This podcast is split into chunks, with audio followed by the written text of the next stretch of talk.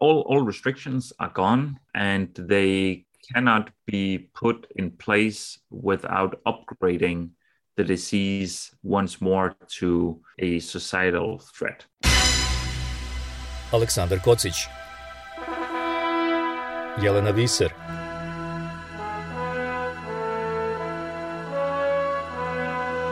Radio Karantin. Hronika istorije u nastajanju Ako želimo da se ove pošasti koje je snašla svet rešimo što pre i počnemo opet normalan život, najverovatnije sa životu sa koronom, najkraći i najbrži put je obavezna vakcinacija za sve. E, smatram da prvo treba vakcinisati pojedine kategorije, zdravstvo, prosveta, javne službe, a onda sve ostale koji mogu da prime vakcinu. Sramota je da u zdravstvu na bilo kom nivou radi neko ko je protiv vakcinacije. Generacija sam koja pamti razne boleštine, e, kojih je danas, zahvaljujući obaveznoj vakcinaciji, nestalo. Tako treba i da je sa covidom. Nažalost, zbog nedovoljnog stepena vakcinacije i prava na svoj izbor i mišljenje na koji se protivnici vakcinacije pozivaju, do sada smo izgubili puno života, direktno zbog covid a indirektne žrtve ćemo tek da brojimo. A, vakcinacija, ja znam da vakcinacija ne pruža 100% zaštitu, kao ni jedna vakcina, ni jedna vakcina ne pruža toliku zaštitu, ali znam da vakcinacija cele populacije uništava virus i ne daje virusu mogućnost da se širi, a samim timu ne daje mogućnost da mutira i ne daje mu opciju da te mutacije budu mnogo opasnije nego prethodne varijante. Sad, bez obzira što se virus smatra mrtvim za razliku od bakterije, ja kapiram da virus i dalje želi da živi, a da bi žive mora da ima domaćina, a da bi našao domaćina koga može da porobi, on mora da se razvije, evoluira i, i da, se, da, da se čini još gorim nego što jeste.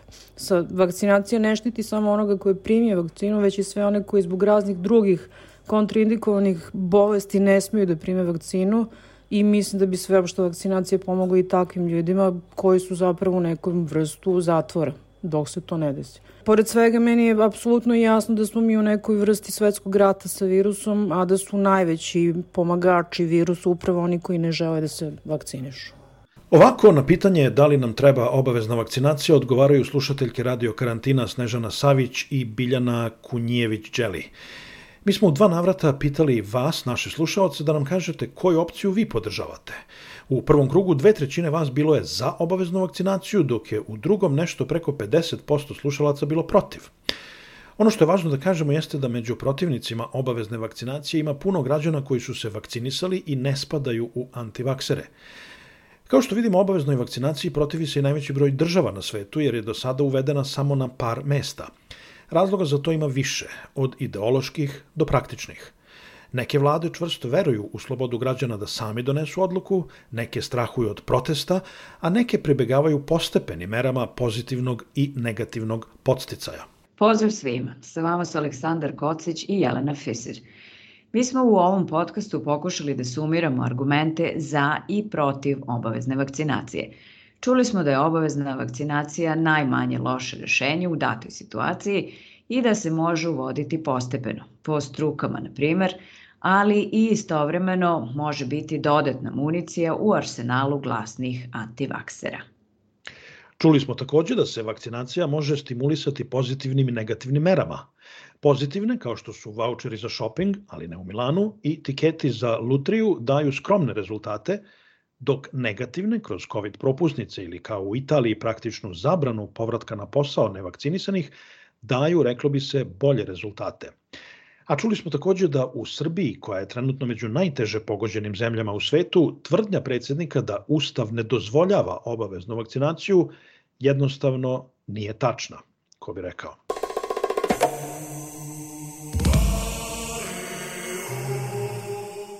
I dok većina planete trenutno ne mora da razmišlja o obaveznoj vakcinaciji jer prosto nema čime da vakciniše ljude, Evropa i bogati svet drugde odmakli su daleko u vakcinaciji, ali uz velike lokalne razlike. U Severnoj Americi tako vidimo da se pristalice demokrata vakcinišu mnogo više nego pristalice republikanaca. U Evropi postoji upadljiva razlika između zapada i istoga. Zemlje poput Danske ili Portugala skoro da su vakcinisale kompletno stanovništvo, dok Rumunija i Rusija stoje na oko 30%. Razloga za to naravno ima više, ali jedan od onih koji se često navodi kao ključni jeste poverenje građana u institucije države, pre svega zdravstvene. Što je to poverenje veće, to je vakcinacija uspešnija. Zašto? O tome je Aleksandar Kocić razgovarao sa Michaelom Bengom Petersenom, profesorom političkih nauka na Univerzitetu u Arhusu. Razgovor su vodili par dana nakon što je Danska ukinula sve zakonske mere protiv pandemije.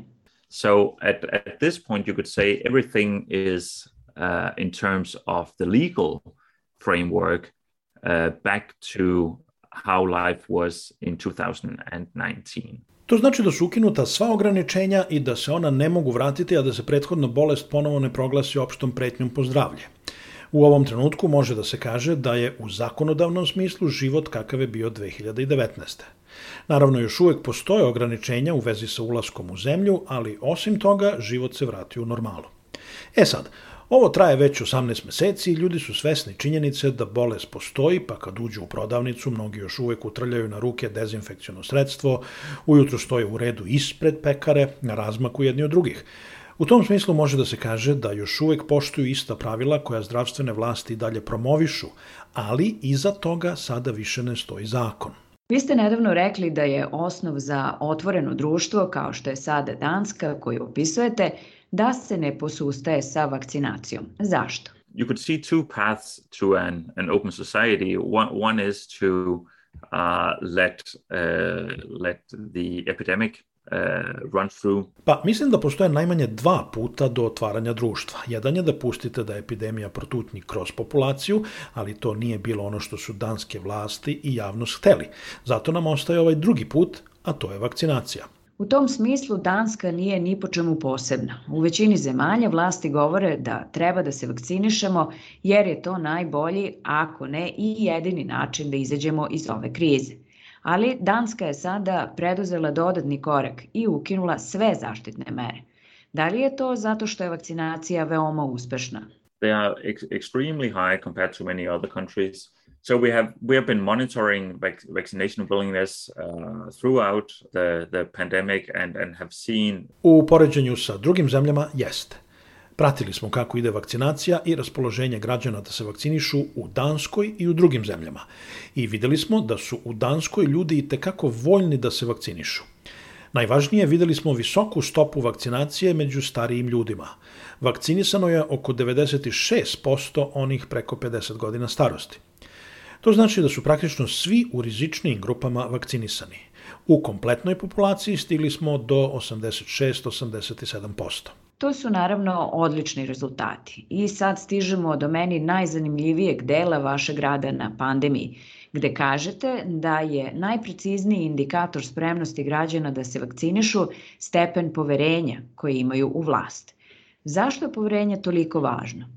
Basically from the very very beginning we collected surveys in denmark and seven on other countries where we asked about all sorts of uh, features of the of the pandemic. Od samog početka radili smo ankete u Danskoj i još sedam zemalja i svuda smo videli da je stepen poverenja u zdravstvene vlasti najbolji pokazatelj spremnosti na vakcinaciju.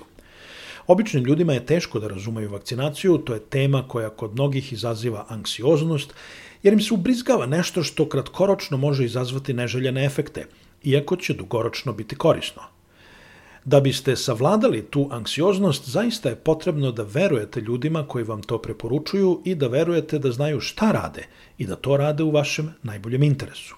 Da li ste uočili razliku između poverenja u vladu i poverenja u zdravstvene vlasti? Yes, I, I, I think that those are two uh, distinct uh, concepts and And it seems that uh, trust in health authorities are, are in general a slightly better predictor Da, to su, rekao bih, dva odvojena koncepta i izgleda da je poverenje u zdravstvene vlasti bolji indikator nego poverenje u vladu. Osim toga, ova dva tipa poverenja kreću se u različitim putanjama.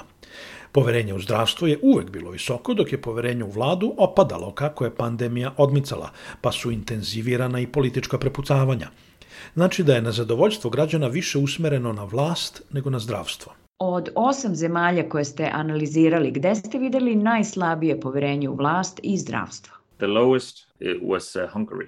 U Mađarskoj. Vi dalje kažete da je veoma važno da vlast tokom pandemije šalje transparentne poruke, čak i kada su one neprijatne. Objasnite nam to malo detaljnije. So I, I can give you two two examples uh, of it because I, I was actually pretty critical uh, with the way the Danish uh, government communicated. Daću vam dva primjera. Ja sam u prvim danima pandemije kritikovao kako danska vlada komunicira sa građanima kada je poruka bila fizička distanca, prestanite da se grlite i tako to, a da nije rekla ljudima zbog čega. Ok, rekli su da postoji opasnost od nekakve epidemije. Ja sam tada govorio da vlast treba da ima poverenje u građane, da im veruje da će znati da prihvate istinu, čak i kada je ta istina neprijatna. Mislim da je vlast u to vreme zauzela stav da ne sme biti previše iskrena da ne bi stvarala paniku zbog onoga što će da se desi. Ali onda su promenili strategiju i rekli su ovo je neprijatna istina o onome šta nas čeka ako ne promenimo ponašanje. I to vam je jedan primer. A videli smo i sličnu zabrinutost oko toga da li će ljudi moći da se suoče sa istinom u vezi sa vakcinacijom i da ne preuveličavaju strah od potencijalnih neželjenih efekata i da kažu, ma nema veze, ne bojim se, bit će sve u redu. A mi smo zastupali stav i videli u istraživanjima da sa jedne strane, ako navedete negativne karakteristike vakcina i kažete da nisu sve vakcine podjednako efikasne, time proizvodite neizvesnost, ali sa druge strane održavate poverenje u institucije. Kada zdravstvene vlasti komuniciraju na transparentan način i ljudima jasno kažu kakvim podacima raspolažu, makar to nije uvek prijatno čuti, onda im ljudi veruju više. A političari i vlast često umesto toga vole da daju neka neodređena uveravanja tipa ništa, vi ne brinite, sve će biti u redu. E, ali ako krenete tim putem, onda stvarate sumnje. Ljudi počnu da misle da nešto krijete i gubite njihovo poverenje. Zato su ta neodređena uveravanja najgori vid komunikacije, jer njima samo gubite poverenje kod ljudi i ne možete da ih ubedite da prihvate to što govorite. Da li to znači da su danske zdravstvene vlasti posebno dobre u PR-u, da imaju neku mnogo dobru obuku? Ili je to posebna danska karakteristika da građani imaju visok stepen poverenja u institucije? I think of course culture matters and it matters a lot. Denmark historically has had very high levels uh, of, uh, of trust. Naravno da su kulturne karakteristike važne. Dansku istorijski gledano karakteriše visok nivo poverenja među ljudima. I u tom smislu može da se kaže da je Danska od onih kultura gde ovakve strategije mogu da uspeju. Što se komunikacije u vezi sa vakcinama tiče, mislim da su danske vlasti imale dobru obuku pre nekoliko godina, kada su naučile lekciju, kada su se pojavili problemi sa vakcinom protiv HPV-a, gde je bilo puno nekonzistentnosti, jer su vlasti pristupile onoj strategiji, ma ništa, ne brinite, sve će biti u redu. Ja sam posle toga promovisao ovu poruku otvorenosti u raznim forumima u kojima sam bio angažovan kao savjetnik. Vi dalje kažete da je uvek važno od krize napraviti nekakav kolektivni projekat da bi se izbegla polarizacija u društvu. Zvuči lepo, ali malo idealistički. Kako se to postiže u praksi? So at least what happened in Denmark was that there was a very, very strong communication. Pa u Danskoj smo barem imali odličnu komunikaciju. Ono kad su na preskonferencijama prvi put počeli da pokazuju one grafikone i da pričaju o zaravnjenju krive, pa su rekli ovo je najgori scenario, da dođe do preopterećenja zdravstvenog sistema i na tome treba svi da radimo da to izbegnemo. To ne znači da će umirati samo stari, nego i vaša sestra neće moći da dobije adekvatnu pomoć pri porođaju, vaš stric neće moći da dobije gips ako slomi nogu i tako dalje. Znači da ovo shvatimo kao nacionalnu krizu. To je dodatno naglašeno u kraljičinoj poruci naciji, prvoj u mirnodopskom stanju. Znači, poruka je dobila moralnu dimenziju, apeluje se na svačiju solidarnost. Ovakve projekte je negde lakše, a negde teže sprovesti. U nekim istraživanjima smo videli da je identifikacija sa nacijom važan faktor u poštovanju zdravstvenih mera tokom pandemije. Danska je mala, homogena zemlja, gde ste mogli efikasno da apelujete na taj osjećaj pripadnosti naciji i na koheziju zajednice. U Danskoj smo videli da poštovanje mera nije na prvo mestu bilo izazvano strahom od virusa, nego brigom za to šta će epidemija učiniti društvu. U tom smislu je ovo postao kolektivni projekat gde ne brinete samo za sebe, već i za kolektiv. A šta u tom kontekstu podrazumevate pod ublažavanjem tereta mera? The, the kind of research that I'm I'm doing outside of pandemic times is on on sort of all the darker sides of human psychology and and politics. So Mene veoma zanimaju sile koje destabilizuju jedno društvo, a tokom pandemije jedna od stvari koje destabilizuju društvo i proizvode nezadovoljstvo jeste psihološki teret života pod merama, usamljenost koju te mere proizvode, ekonomski strahovi, I zato je važno da vlast uradi sve što može da ublaži taj teret kroz recimo novčanu pomoć. Naravno da ovde puno pomaže ako ste bogata zemlja sa razvijenim sistemom socijalne pomoći. A videli smo da takođe puno pomaže ako mere imaju podršku kod građana, jer oni onda manje to doživljavaju kao teret. Znate, ljudska bića su čudna. Mi možemo dosta toga da podnesemo, ali je važno da vidimo da naša muka ima smisla – I zato je važno da postoji podrška merama, jer onda je njihov teret manji. Danski politikolog Michael Bang Petersen u razgovoru za Radio Karantin.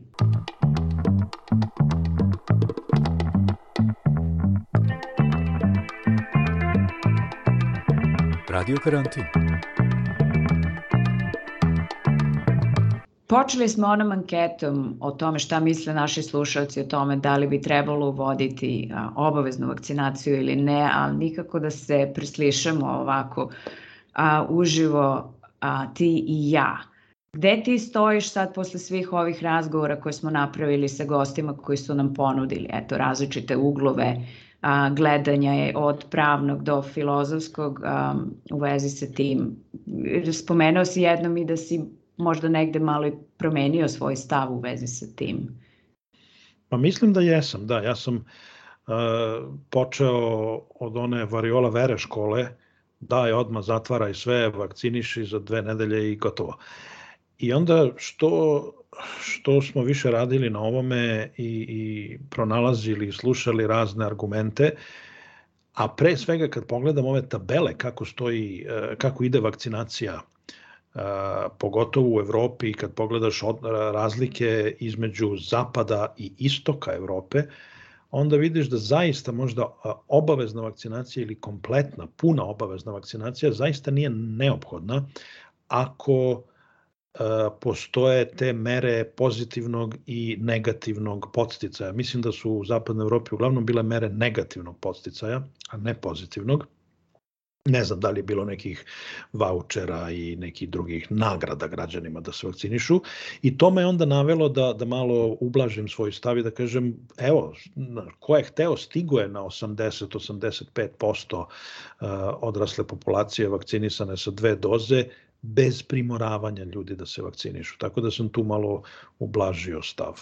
Vidiš, ja ne znam kako da se postavim prema tom aspektu. Sve vreme govorimo o tim nekim zapravo razvijenim državama koje nisu morale da podstiču, odnosno podsticale su negativno, kako ti kažeš, na vakcinaciju, nisu morali da guraju građane da idu tamo i da, da nego valjda su građani sami osetili tu obavezu na kraju i otišli da se vakcinišu. Ja ovde poznajem u Holandiji masu ljudi koja nije nužno trčala da se vakciniše odmah u tom prvom um, talasu, ali su ljudi na kraju otišli. E sad, dok u Srbiji recimo imamo masu ljudi koja ne razmišlja apsolutno o tome da, da odi, da, da se vakciniše, nema ni pozitivne ni negativne a, motivacije, jednostavno ljudi neće da se vakcinišu, argumenti kojima se oni služe su negde meni nepojemljivi, ne razumem jednostavno.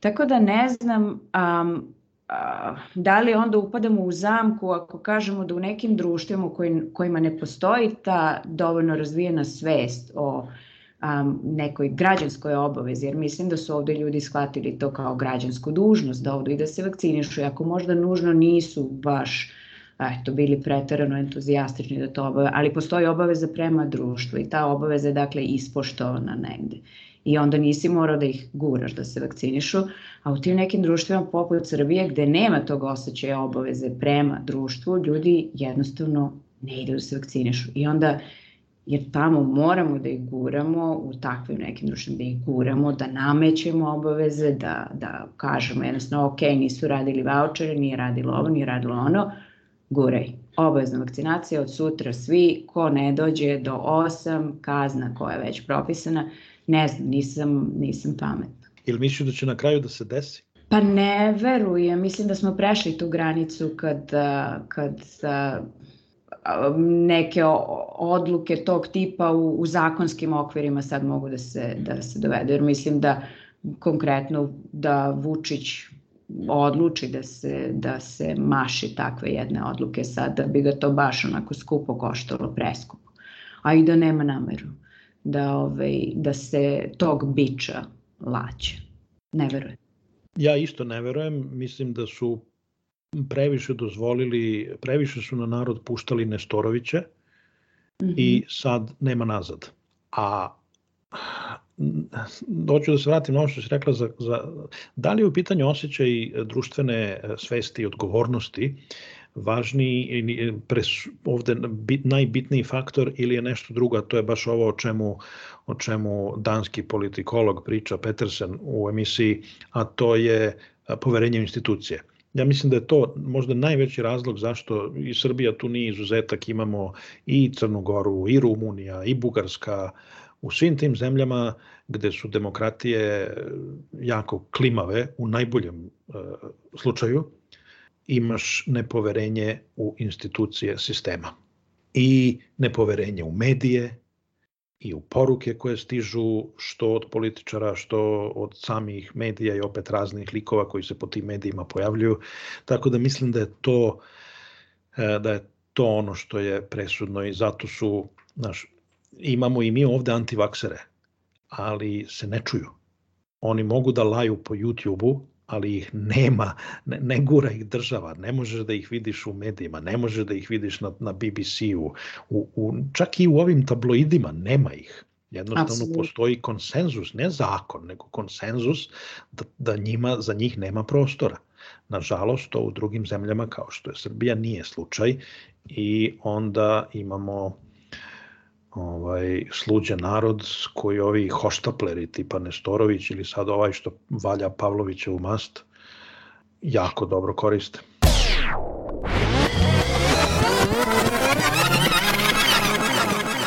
Radio Karantin. Za par dana u Glazgovu počinje veliki svetski samit o klimatskim promenama, COP26, koji mnogi eksperti smatraju poslednjom šansom da se izbegne klimatska katastrofa. U narednih nekoliko sreda Radio Karantin će pokušati da objasni šta tačno podrazumevamo pod klimatskim promenama, šta treba preduzeti da se one zaustave i da li postoji politička spremnost da se to zaista i uradi. A čućete i kako izgleda život u gradu pod opsadom koji se sprema za dolazak svetskih lidera i nekoliko hiljada članova nacionalnih delegacija, kao i za dolazak desetina hiljada demonstranata – Moji prijatelji, na primjer, uveliko pričaju da im agenti za nekretnine nude astronomske cifre da izađu iz svojih stanova na dve nedelje, jer je potražnja ogromna. Sa vama su bili Aleksandar Kocić i Jelena Fisr. Pratite nas na Soundcloudu i Facebooku i podržite naš rad jednokratnom ili mesečnom uplatom preko Paypala i Patreona. Detaljno o tome na našem web sajtu radiokarantin.eu. Birajte pouzdane vesti i poruke, makar i kad su neprijetne i čuvajte zdravlje. Aleksandar Kocić. Jelena Viser.